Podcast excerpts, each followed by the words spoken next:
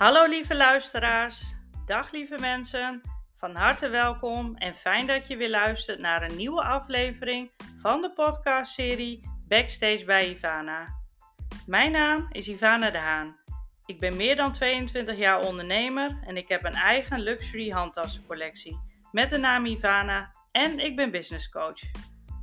En voor de mensen die niet weten waar deze podcastserie over gaat, Backstage bij Ivana gaat over verhalen van ondernemers en hun backstage stories.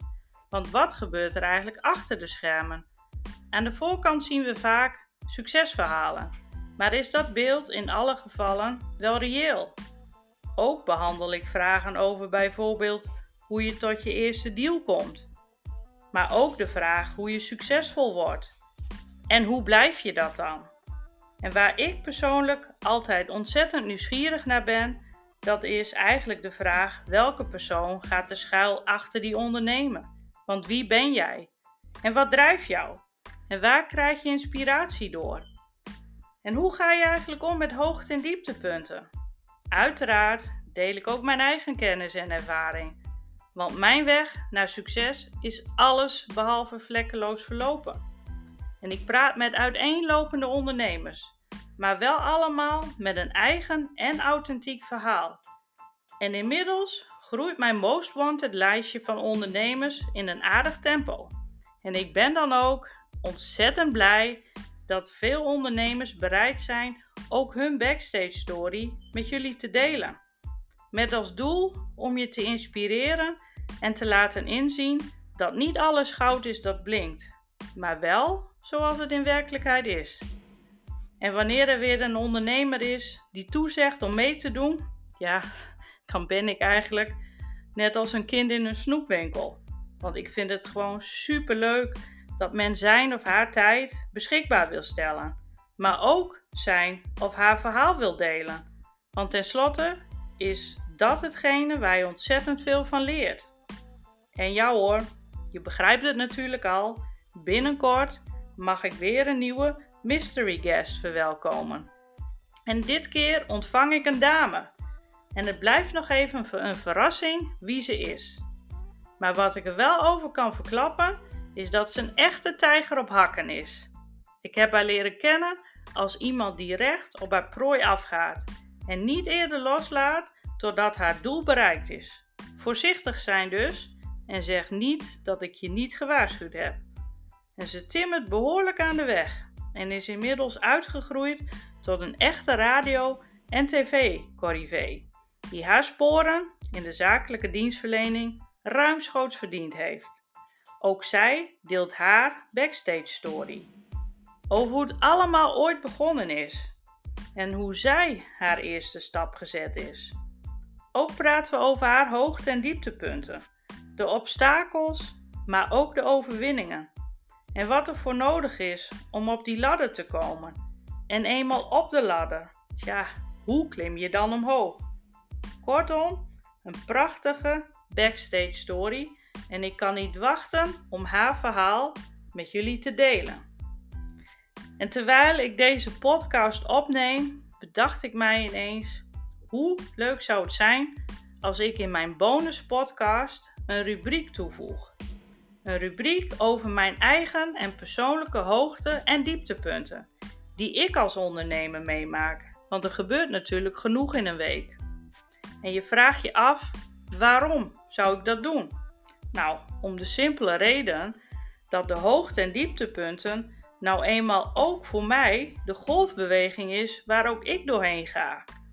En ik zou je heel graag willen meenemen, een kijkje willen geven in mijn backstage story. Dus wat gebeurt er in mijn leven achter de schermen?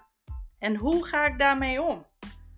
Want ook in mijn geval is niet alles goud dat blinkt. Ook ik moet ontzettend veel moeite doen om van A naar B te komen. En ook in mijn geval gaat dat beslist niet vanzelf. En door jou mee te nemen in mijn avonturen, hoop ik dat jij je geïnspireerd raakt om vooral door te gaan en nooit op te geven hoe moeilijk en uitzichtloos het soms ook kan zijn. Maar weet dat je er niet alleen voor staat en dat hulp vragen precies het antwoord kan zijn op jouw missing link. Dus vraag er gewoon om en schaam je vooral niet. En bevind jij je bijvoorbeeld op dit moment in een dal en zie je geen uitweg, dan zou ik bijna willen zeggen: gefeliciteerd. Want dit is namelijk de best place to be. Dat zie je waarschijnlijk niet nu, maar het moment gaat zeker komen en dan zul jij je herinneren aan wat ik nu zeg. En waarom is dit de best place to be? Omdat je je letterlijk op een plek bevindt waarin je niets meer te verliezen hebt. En in dat geval zeg ik, dan kun je toch beter doorgaan in plaats van dat je op dit moment de handdoek in de ring gooit. En geloof mij, ik weet echt waar ik over praat. Ik ben er zelf ook tot drie keer toe doorheen gegaan. En ik heb echt momenten gehad waarvan ik mij heb afgevraagd: hoe vind ik de weg naar de oplossing? Waar is de uitgang? Alsof je in het donker geblinddoekt over een balk loopt. Om de overkant te halen, maar geen idee hebt hoe ver je nog moet gaan. En mijn ervaring is dat juist in die situaties er dan ineens, out of the blue, een doorbraak is. En wordt datgene wat onmogelijk leek ineens mogelijk. Dus laat je alsjeblieft niet afschrikken door het moment waar jij je nu in begeeft. Maar laat die ervaring dus niet aan je voorbij gaan. Durf het te doorstaan. En ik weet het, het is best eng, maar niet onhoudbaar. Maar laten we nu even teruggaan naar mijn hoogte- en dieptepunten van de afgelopen week. Het hoogtepunt waar ik enorm trots op ben, dat is eigenlijk dat ik door de Rijksuniversiteit van Groningen gevraagd ben als gastspreker. Om mijn kennis te delen op het gebied van het ondernemerschap. En ik heb een lezing mogen houden voor een groep studenten, waarbij ik gesproken heb over hoe ik 22 jaar geleden mijn eerste bedrijf startte. En hoe het mij daarna is vergaan. Maar ook heb ik gesproken over drie belangrijke pijlers die bijdragen aan succesvol ondernemerschap.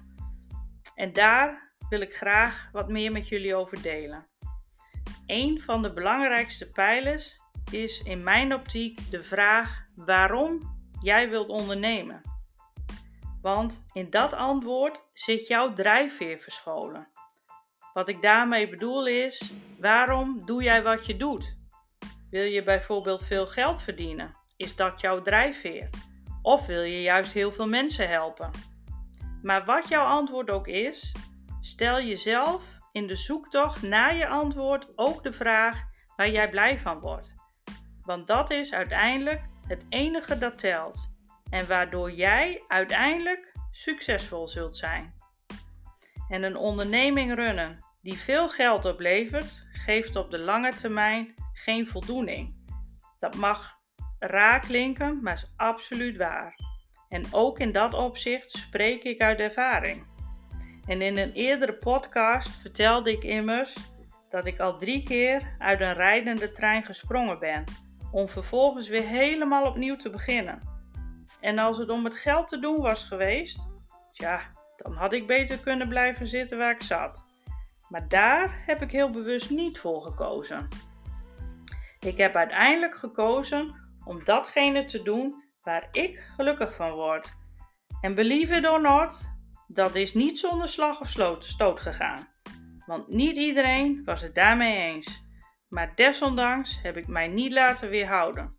En ik koos toch voor mezelf. En dat zou ik in jouw geval ook willen aanbevelen. En de tweede pijler waar ik over sprak, is de hoe-vraag. Wat is er bijvoorbeeld voor nodig om je doelstelling te realiseren? En hoe doe je dat? Hoe ga je om met tegenslag? Met afwijzing? Ga je bij de pakken neerzitten of krijg je juist energie door om door te gaan? En hoe kom je binnen bij een klant? Sterker nog, eenmaal binnen betekent niet automatisch dat je een deal hebt. Dus hoe kom je aan tafel en sluit je die deal. En tot slot sprak ik over een derde pijler. En wellicht is dat de meest belangrijke, aangezien het in het ondernemerschap aankomt op een overdosis van lef wat nodig is om je doelstellingen te bereiken. Gewoon durven, zonder erbij na te denken. Of op voorhand al een antwoord te bedenken waarom het toch niet nodig is om er überhaupt aan te beginnen. Dat is namelijk wat ik veel vaker meemaak in de praktijk bij ondernemers. En mijn advies is dan ook: doe dat niet. Vul het antwoord van tevoren niet in, maar ga het gewoon doen. Ga het gewoon ervaren. Uiteindelijk leer je daar juist het meeste van. En zo heb ik ook mijn eigen kennis opgebouwd door het gewoon te doen. En van fouten leer je, want dan weet je in ieder geval hoe het niet moet. En voor wat betreft mijn dieptepunt, tja, dat is inmiddels wel een heel bijzonder verhaal aan het worden. Nog niet zo lang geleden sloot ik een akkoord met een ondernemer voor een coachingtraject. Niets aan de hand zou je denken. Ja, zo dacht ik ook. Maar wat gebeurt er in de praktijk? Komt erop neer dat hij zijn afspraken niet nakomt. En dat uitzicht dan doordat hij de afspraken steeds afzegt of uitstelt. En uiteraard houd ik er rekening mee dat daar een goede reden voor kan zijn. Waarom hij zijn afspraken afzegt en uitstelt. Kunnen privéomstandigheden zijn, het kan ook vluggedrag zijn. En dat laatste zou mij niet verbazen, want in dat geval hoef je natuurlijk niet met de billen bloot. En ik weet uit ervaring dat niet iedereen het fijn vindt om zijn ego bloot te leggen. En dat kan hij heel onbewust natuurlijk wel aanvoelen. Dat dat staat te gebeuren. Waardoor hij liever de struisvogel uithangt door zijn kop in het zand te steken in plaats van in zichzelf te investeren. Terwijl dat uiteindelijk de bedoeling was. Maar hoe het ook zij, ik vind het nu zo langzamerhand wel ontzettend vervelend worden. En waarom? Omdat ook ik tijd vrijmaak, mijn agenda leeghoud, maar ook kosten gemaakt heb om het een en ander mogelijk te maken. Dus ik heb mijzelf de afgelopen week serieus afgevraagd en de vraag gesteld hoe ik dit denk te gaan oplossen. En daar heb ik gelukkig niet heel lang over nagedacht. En ik heb besloten om het gewoon te gaan zeggen. En daarmee bedoel ik dat ik zal aangeven dat ik de gang van zaken heel vervelend ervaar. En ik zal ook uitleggen waarom ik dat als heel vervelend ervaar. En het kan natuurlijk zo zijn dat hij zich totaal niet realiseert dat zijn manier van handelen door mij als vervelend ervaren wordt. En tot op zekere hoogte is dat natuurlijk het geval wanneer ik daarover niet zeg. En zolang ik niet zeg, kan het ook nog zo zijn dat hij dat juist als heel prettig ervaart. Dus wie doe ik dan uiteindelijk een plezier? Uiteraard begrijp ik dat jij denkt, maar waar is zijn verantwoordelijkheid dan in dit geval? En daar ben ik het helemaal mee eens. Maar het feit is wel dat wanneer ik niet ingrijp, de situatie ook niet zal veranderen. Want dat blijkt inmiddels. Maar omdat ik deze gang van zaken als een probleem ervaar en, niet, en dit niet meer wenselijk vind, is het dan ook aan mij om in te grijpen en hier dus een streep te zetten. Want doe ik dat niet, dan zullen situaties zoals deze zich keer op keer blijven herhalen. En daar zit ik niet op te wachten.